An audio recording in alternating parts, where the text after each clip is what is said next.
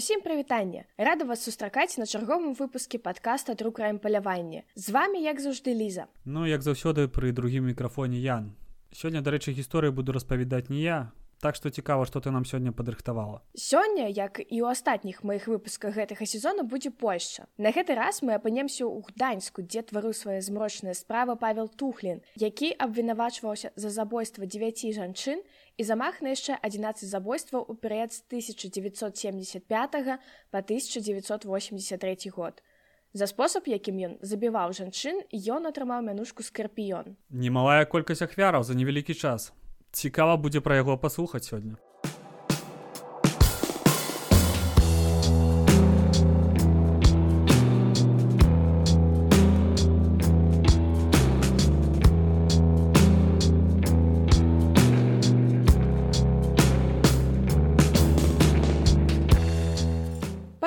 Тухлін нарадзіўся 8 з 11 дзяцей 28 красавіка 1946 года у горадзе гуры у сям'і бернарда фермера алкагаліка і монікі з ім жорстка абыходзіліся абодва бацькі але з сёстрамі і братамі здаецца былі нармальныя адносіны падлетка пакутваў ад энурэза аб чым ведала ўся вёска. Вось што тухлін распавядаў у суддзе Мая хвароба была ў тым што я мачу ложак ноччу падчас сну і адзіным лекам для мяне ў той час была пыда пляценне з раменьчыкаў калі я ўставаў раніцай маці ці бацька правяралі мой ложак Калі ён быў мокры, я атрымліваў порцыю лекаў. На наступны дзень сцэна паўтаралася, таму што бацька лічыў, што я пісаў ложак наўмысна ці з ляноты. Мне было агідна, асабліва, калі тата выпіваў, што здаралася з ім даволі часта. Тады не было паўла, был толькі дуйцак, скач, смярдзюк. З гэтай прычыны я не атрымліваў, напрыклад, грошай на кіно. Потым я падрос, час ад часу ладзіліся танцы. Я хадзіў, але мая хвароба ішла за мной хочаш танцаваць добра. Ідзеш пытаешься ў дзянчыны якую ведаеш але атрымліваеш адмову. Відаць сорамна было танцаваць з кімсьці хто мочыцца. Кажа ты смярдзіш я не хочу танцаваць з табой смяяліся ўсе. Знаёмыя сябры калегі. З таго что ты сказала мне адразу успомнілась трыада макдональда. Яна канешне не гарантуе што дзіця стане адразу злачынцам але адзін з трох галоўных фактараў гэтай нурэс ну ён ідзе як бы заўсёды разам з, з садызмам і піраманіяй. Як ты правільна адзначыў наяўнасць аднаго з фактараў ці нават усіх адразу гэта не гарантыя таго што пасталеўшае дзіцё стане злачынцам. Трыяда макдональда была апісана ў 1963 годзе але ж пазнейшыя даследаванні не выявілі прамой статыстычнай сувязі паміж гэтай трыядай і жорсткімі злачынствамі Але ж так, тут скаванне за хваробы моцна паўплывала на тухліна і ў некаторым родзе вызначыла яго дальнейшы лёс. Пасля заканчэння сярэдняй школы тухліна прызвалі ў армію, але неўзабаве праз пару месяцаў дэмабілізавалі з-за парушэння слыху. Тухліну уцёк у гданьск, прасалодкаваўся шафёрам, а потым ажаніўся. З-за таго, што жанчыны доўгі час не звярталі на яго ўвагі, Тухлін яшчэ з падлеткавага ўзросту пачаў займацца воерызмам. У роднай вёскі падглядаваў за дзяўчынамі на пляжу і мастурбіраваў на іх. Потым, калі ён ужо пераехаў у гданьск, то гэта перарасло ў эксгібіцыянізм. Увогуле, неяк уладкаваўшыся ў гданьску, Тухлін пачынае змяняць працы адну за адной, нідзе надоўга не затрымліваючыся. Ён не быў добрым працаўніком і дзесьці краў нейкія прылады, дзесьці працадаўцы прапанавалі яму звольніцца самому, каб не быць звольненым па артыкулу. Апошняя праца перад пачаткам нападаў завод па рамонту паглыбнага састава. Там ён пратрымаўся ўсяго пару тыдняў. Калі нічога не быта, псіхолог Бухановскі вызначаў, што эксгібіцыяністы падобныя расстройствы прыводзяць пазней да садыцкіх тэндэнцый у будучыні яшчэ ён казаў што галоўней чым сексуальнае задавальненне атрыманне адчування панавання над ахвярай. Штосьці такое мне падаецца. Заглядваючы крыху наперад сапраўды можна сказаць што для тухлі накіраванне абставінамі і ахвярамі было першапачатковай мэтай нападаў.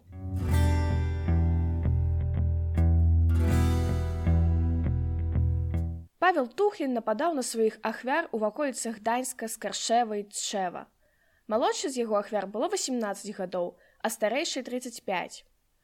Тухлін пераважна па вечарах і раніцай нападаў на жанчын з малатком, якія гулялі дзесьці ў адзіноце. Яго нібыта будзілі бездапаможныя і звязаныя ахвяры.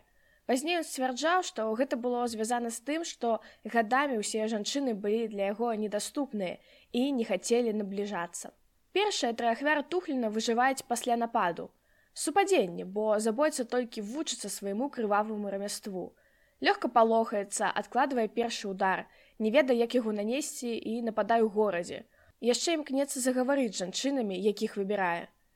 А пакуль у нас халодны кастрычніцкі дзень 1975 года, а 20 гадзіне, і Павел Тухлін пераследуе 21гадовую дануту, якая ж пацыруе праз плошчу прылеглую да чыгункі ў гданьскім прыгарадзе.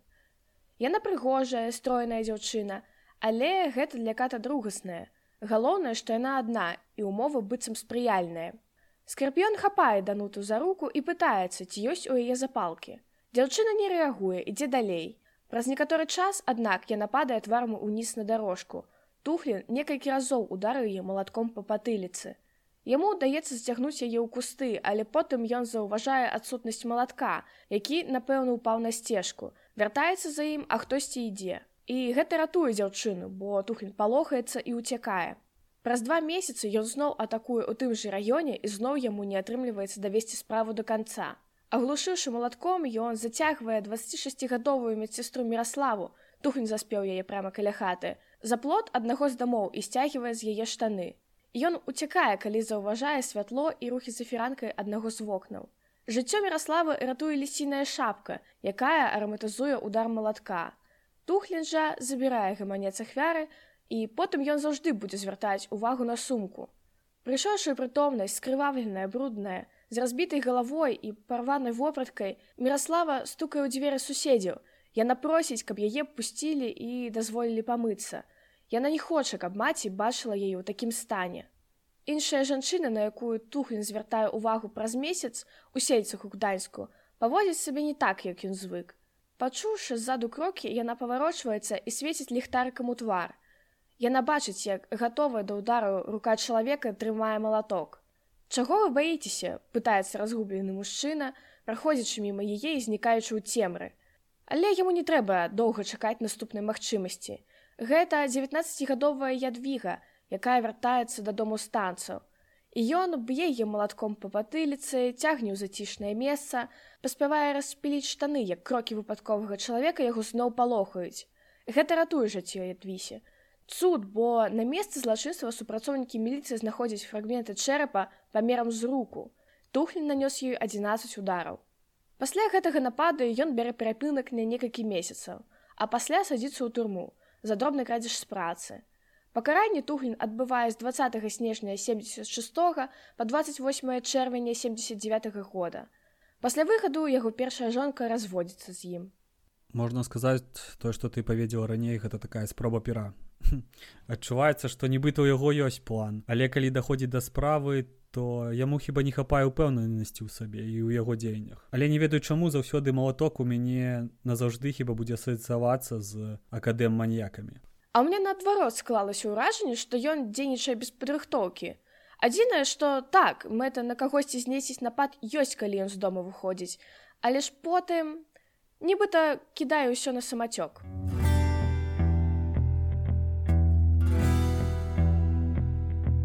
Першая загінула Ірэна, 18гадовая медсестра, якую тухнь забіў 9 лістапада 1979 года ў вёсцы Несціпова. Яны з сястрой вяртаюцца з кавярні і ў нейкі момант разыходзяцца. І тады тухлін, які ўжо сачыў за дзяўчатамі некаторы час, выскоквае перад ірэнай і кажа: « Пойдзем, мы будзем лашчыць адзін аднаго. Ласкі, прапанаваныя тухліным, уключаюць некалькі ударам малатком па галаве, зацягванне ў канаву і зрыванне ніжняй часткі адзення. Ён нарэшце задаволены, ён дакранаецца да палавых органаў жанчыны і мастурбуе. Яму гэтага дастаткова, пранікнення ніколі не бывае. Уцякаючы з месца забойства ў рацэ раду недалёка ад месца нападу тухлін губляе свой малаток. На метале выбіты абрэвіатура заводу па рамонту паглыбнага састава. Міліцыя атрымала спіс людзей, якія бралі інструменты, але тухліна ў ім не было. Яны дапытвалі ўсіх, у каго былі запісы аб збіранні малатка. Ва ўсіх былі вартыя даверу алібі. Верагодна, работнік склада не заўважыў і не адзначыў у кнізе, або Тухлін проста скраў малаток. Ну пакуль я магу сказаць толькі адно, што губляць прылады забойства ён, канешне, майстар. Галава малатка была старанна заматана бінтамі, Таму што, як пазней казаў забойца, малаток халадзіў яму жывот, калі ён насіў яго ў штанах падчас пошуку ахвяр. Пасля забойства ён мог два дня не мыць рукі, а толькі нюхаць, раскажа пазней субінспектар Штэфан Хшановскі, кіраўнік групы скарпіён, якая гадамі спрабавала высачыць забойца жанчын. Наступныя напады праходзяць па адной схеме. Тухлін высочвае самотных жанчын, наносіць ім удар малатком па патыліцы, пасля чаго адцягвае кусты, дзе канчаткова забівае ахвяру і робіць свае брудныя справы. Такім чынам ён распраўляецца з Анастасіяй, нунай і аліцыяй.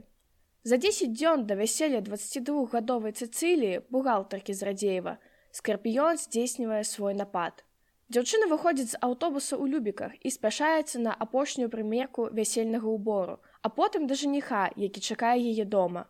Тухлін забівае яе ў лесе, а затым здзяйсняе свае ласкі. З сеткі, якую несла дзяўчына, высыпаюцца пакупкі: булачка, каўбаса, слівы і печыва. Тухлін з'ядае іх над целам паміраючай жанчыны. Такая жудасная ежа яшчэ паўторыцца. Падчас наступных чатырох нападаў тухлін крыху змяняе тактыку.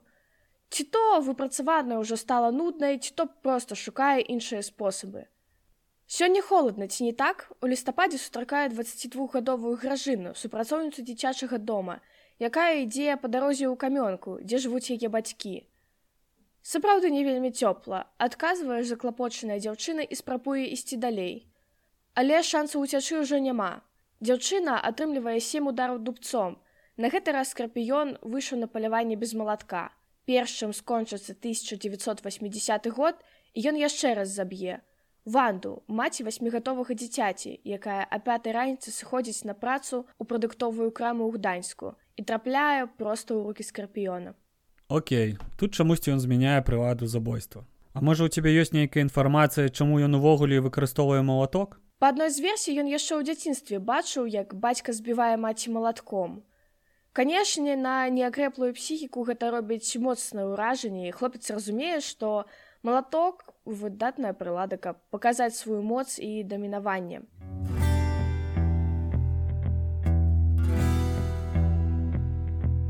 Улетку сярод белага дня ён нападае на генавефу.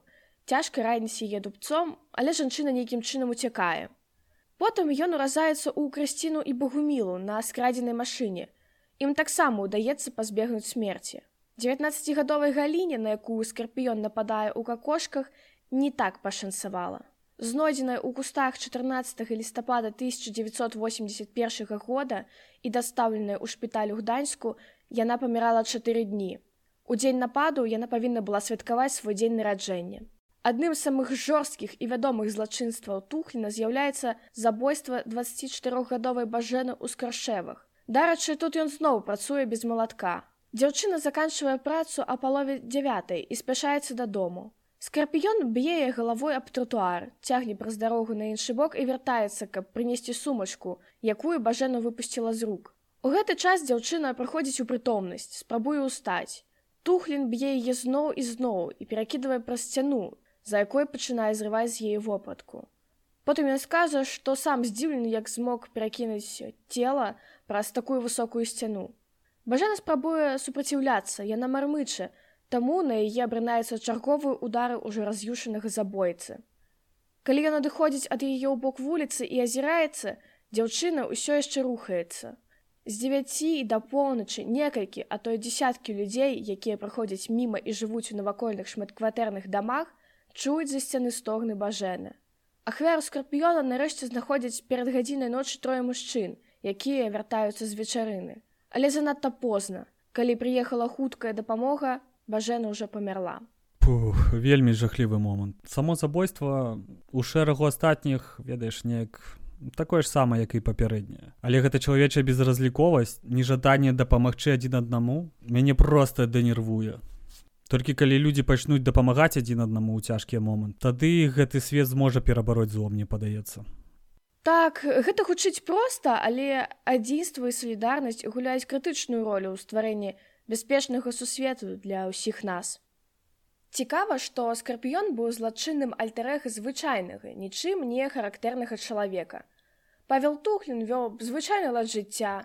Суседзі здзіўляліся, што гэты спакойны, сырамлівы, клапатлівы да жонкі і дваіх дзяцей чалавек здзяйсняў такія ўчынкі. Быў двойчы жанаты, але калі ён ажаніўся ў другі раз не зусім зразумела. Ну, было гэта дзесьці праз год паўтара, як развёўся з першай жонкай. Абвеці жанчыны сцвярджалі, што іх палавое жыццё было нармальным. Праўда, часам ён мог паводзіць сябе дзіўна, напрыклад, выходзіць з дому падчас размовы або не адказваць на пытанне. Бывала таксама, што біў жонак. Сам ён не быў асабліва шчаслівы ў шлюбе. Жонкі не хацелі займацца з ім французскім каханнем, а першая не прабірала ў кватэры і нібыта здрадзіла яму. Здаецца, больш глыбокія пачуцці ў яго былі толькі да сына. Аднак нават думка пра дзіця не перашкодзіла яму раней здзяйсняць жорсткія злачынствы. Важна было толькі задаволіць патрэбы. Вось як сам Тухлін узгадваў пра час пасля нападу. Пасля эякуляцыі я абранаўся, праглядваў сумачку жанчыну і браў грошы, каштоўнасці ежу. Гэтыя прадметы былі ў мяне дома, я з імі гуляў або дарыў жонцы. Калі жанчына прыходзіла ў прытомнасць і выяўляла, што іх няма, яна напэўна хвалявалася. Гэта думка рабіла мяне шчаслівым, але я не ведаю чаму. Акрамя грошай пярсцёнках гадзіннікаў, яму здаралася забіраць і выразаныя са штаноў абрэзкі тканіны. І ён выкарыстоўваў іх пазней як насоўкі. Вельмі ну словы фечыш, канешне, але чаго здзіўляцца. Ага, дарэчы, мне падаецца, што такая тканіна не зусім пасуе да насовак. То ведае гэтых серыйных забойцаў, што ім пасуе, што не.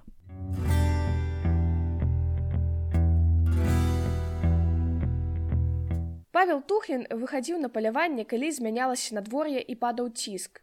Адсюль адна сторый, што гэты забойца быў барапатам. Пазней ён распавядаў, што перад тым, як напасці увесь дзень адчуваў дзіўны неспакой, хваляванне, якое ён не мог і хутчэй за ўсё не хацеў задушыць. Ён браў малаток, перавязаў яго бінтам і хаваў за пояс. Ведаў на памяць расклады і найбольш зручныя транспартныя стыкоўкі. Часам ён гадзінамі ездзіў вакол, пакуль не знойдзе патрэбную дзяўчыну. І хаця яго ахвярамі звычайна былі маладыя, сімпатычныя і стройныя жанчыны, прыгажосць не была самым галоўным крытэрыем. Асноўным усё ж было тое, што побач нікога не было і яна ішла адна. Дарэчы, цікавы момант. Ёсць такая тэорыя, што нібыта надвор'е можа ўплываць на серыйных забойцаў. Гэта часамі ўсплывае, напрыклад, у справе чыкаціла, да і не хіба не толькі ў яго справе. Але навуковых падстаў дзеля такой тэорыі я пакуль яшчэ не чытаў. Мне падаецца, калі чалавек ужо становіцца на крымінальную сцежку, яго ёсць хаця б крыху мазгу, то самая элементарная рэч якую ён можа зрабіць каб не патрапіць або прынамсі не так хутка патрапіць рукі міліцыі гэта якраз такі карыстацца надвор'ем. Але калі ўжо ёсць нейкія псіхічныя захворванні то тут якраз можна размаўляць об уплыве надвор'я. Ну можа не зусім надвор'я але ж змена сезону можа быць падставай дзеля абвастрэння. І гэта цалкам навукова абгрунтавана Асабліва змены могуць паўплываць на такія захворванні, як дэпрэсія, біпалярнае расстройства, шизофренія. І дарэчы, у дэпрэсіі вылучаюць асабліва сезоннае эфектыўнае расстройства, пры якім спад якраз такі прыходзіцца на восень зіму. Але яшчэ раз забегаючы наперад, у тухлена з псіхікай усё было добра, у медыцынскім сэнсе, канешне. Так што на маю думку ён просто умела карыстаўся умовамі. І насамрэч умовы надвор'я спрыялі злачынствам тухлена і па іншых прычынах. Туман, які быў частым сведкам яго злачынстваў, абмяжоўваў бачнасць і дазваляў яму хутка і незаўважна пакінуць месца злачынства. Ён нездарма нападаў на досведку або пасля цемры. Дождж, вецер і снег неаднаразова знішчалі пакінутыя ім следы, фактычна ускладняючы паліцэйскае расследаванне. Калі яны прыязджалі, было цяжка знайсці нейкія доказы. Напрыканцы 1982 года Тухлін, стаміўшыся ад гарадскога жыцця, пераязджае ў вёску. У пачатку 1983 года, незадоўга да апошняга нападу, Тухлін скраў пікап. Ехаў на ім паблізу ад нейкай фермы і заўважыў парасят. Вырашыў, што іх трэба скрасці, ну і скраў. Прыехаўшы дадому, сказаў жонкі, што гэта з ім пасля халтуры разлічыліся парасятамі. І ўвогуле, калі ён хадзіў забіваць жанчын, то казаў жонкі, што падпрацоўвае. На наступны дзень ехаў на той же скрадзенай машыне і заўважыў жанчыну, якая адна ішла ўздоўж дарогі. Тухлін, кіруючы скрадзеным пікапам, наўмысна збіў жанчыну. Яна была без прытомнасці, таму Тухлін кінуў яе ў багажнік машыны і адвёз у лес, дзе некалькі разоў ударыў яе малатком па галаве. Неўзабаве пасля гэтага Тухлін паспрабаваў з'ехаць з месца злачынства, але машына захрасла ў гразі, і яму прыйшлося яе пакінуць.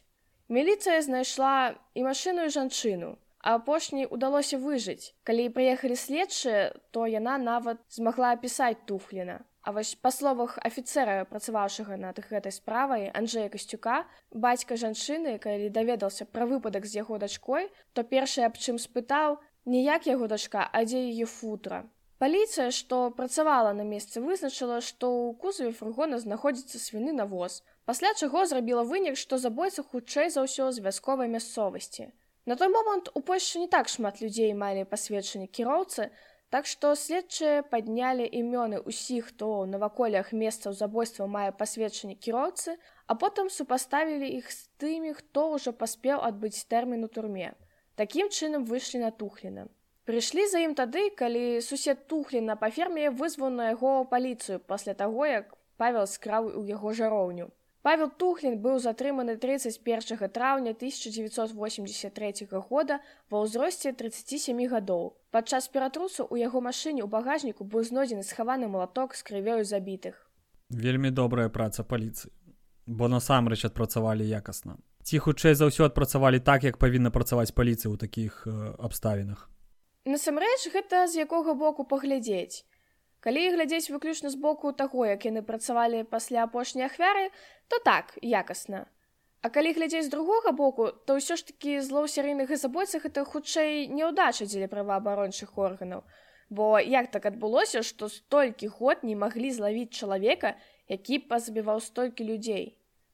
Можна, канешне, узгадаць, што якраз такі ў 80-х годах У Польшчы пачалася забастоўка і салідарнасць, і большая частка увагі і міліцыі была адцягнута якраз такі на барацьбу з антыкамуністамі. Але як па мне гэта наадварот ім у мінус, бо большая патрэба была у пасадкі закраты палітвязня, чым у слове чалавека, які забіваў іншых людзей.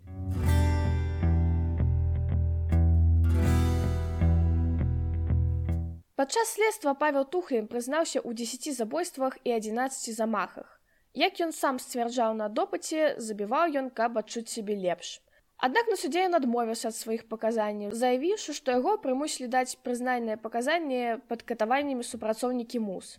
Яшчэ ён прасіў зрабіць яму аперацыю па змене полу. Няма чалавека, які мог бы пацвердзіць, што ён хоць бы на хвіліну шкадаваў аб тым, што зрабіў. Сам тухлін пазней сцвярджаў, што не ведаў, што забіў так шмат жанчын. Ён нібыта пакідаў іх, пакуль яны яшчэ дыхалі. Тухлін паўгода знаходзіўся пад псіхіятрычным назіраннем у шчэціне. Яго спрымалі як добрага і карыснага. Адкрыў сабе мастацкія таленты і нават стаў пераможцам конкурсу па вырабе хлебных скульптур. Такім чынам тухлін зрабіў тры мадэлі похвы, нават упрыгожыўшы іх натуральным шчаціннем. Гэта таму, што ён у шчэці не быў. Ён закахаўся ў доктарку псіхіятрыі, пачаў пісаць ёй лісты, каб яна недаацэньвала яго, бо толькі з ім яна можа даведацца, што значыць словы сапраўдны мужчына. Ён падарыў доктаркі адну з гэтых похваў. Доктарка пакутвала ад нервовага расстройства. Псіхіятрычныя экспертызы пацвердзілі, што з гадамі ў тухліна развілася парафілія, Гэта часта інтэнсіўна сексуальныя узбуждаючыя фантазіі або тыпы паводзін, якія ўключаюць у сабе неадушаўлёныя прадметы, пакуты і прыніжэнне сябе або партнёра.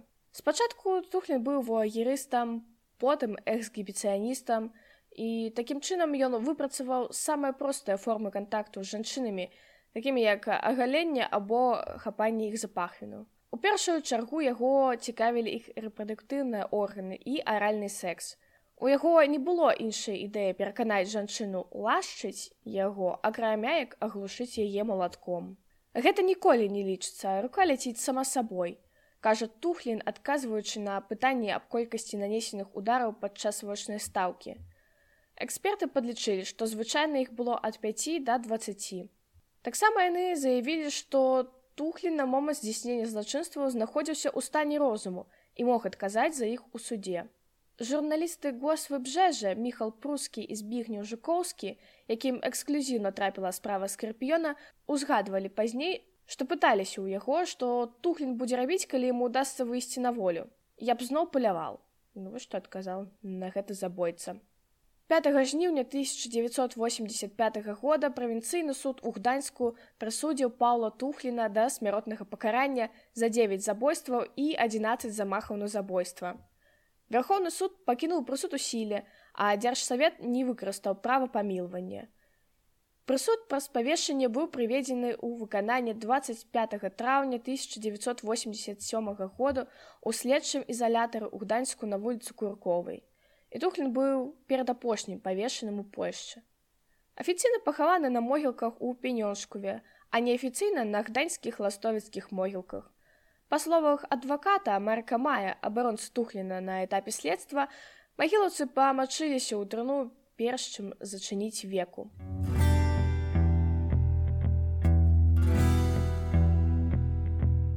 Ну слухай вельмі цікавы выпуск атрымаўся. Дякуй табе за пошук інфармацыі за падрыхтоўку сынара Ну слухай мы побачылі мне падаецца вельмі цёмную асобу.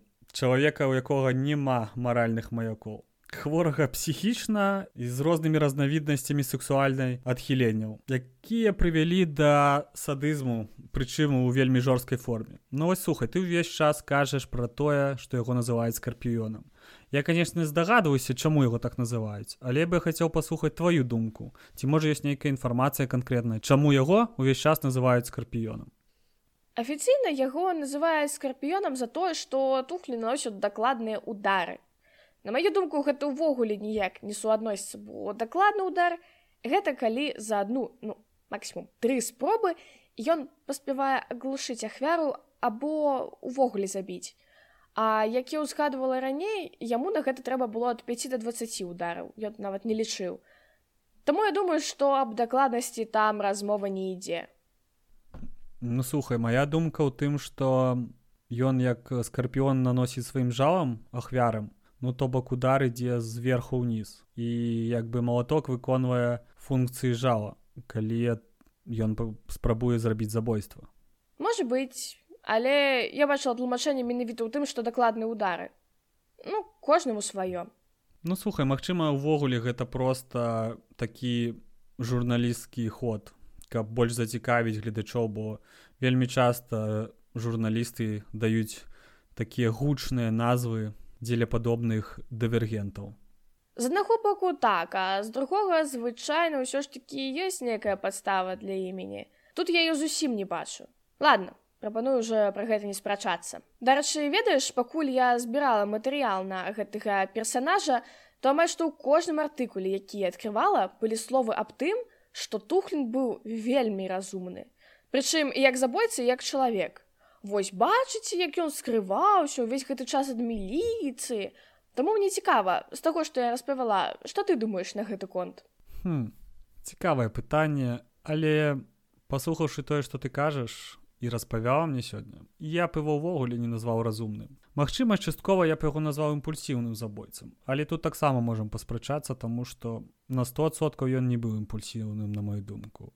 На контру яго розуму Ну, слухай гледзячы на тое што я не заўсёды хавае сліды сваіх забойстваў нават не спрабуе схаваць целы забітых ім жанчын то гэта хутчэй наталківае на думку мяне што ён зусім неразумны зусім вось я згодна што ніякі ён неразумны. А прыпісваць разумнасць толькі таму што ён хадзіў забіваць у туман ці дождж? Ну, зноў такі я пра гэта ўжо казала. Калі у тебя ўвогуле ёсць здольнасць думаць то гэта адна з самых відавочных рэчы падаецца. І не трэба быць суперразумным. Аднак што цікава так амаль у кожным артыкуле пра гэта ўзгадваецца. Дарэчы ту узгадваў імпульсіўнасць я згодна што ён не на стосоткаў імпульсіўны але там адсотку 98 усё ж будзе бо зноў такі як мне падалося з гісторыі у яго ніякага пляну няма. Мне падаецца, што яго можна аднесці да дэзарганізаваных забойцаў.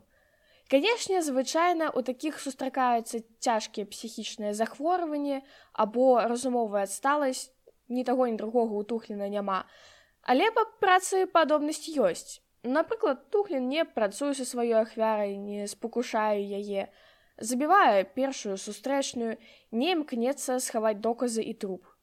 Улічваючы тое што ён меў праблемы з жанчынамі можна сказаць што праблема сацыялізацыю яго таксама была. Да і з працамі праблемы былі. Нідзе не затрымліваўся а апошнія часы і ўвогуле без яе быў.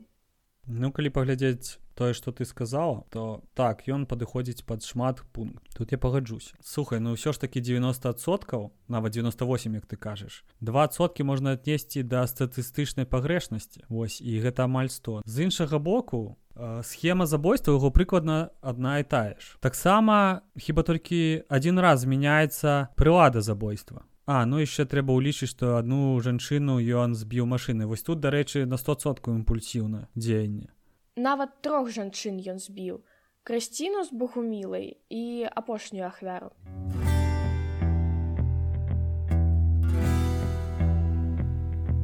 Мы спадзяемся наш падкаст праліў святло на гэтую гісторыю і дапамог зазірнуць глыбей у прыроду паўла тухліна.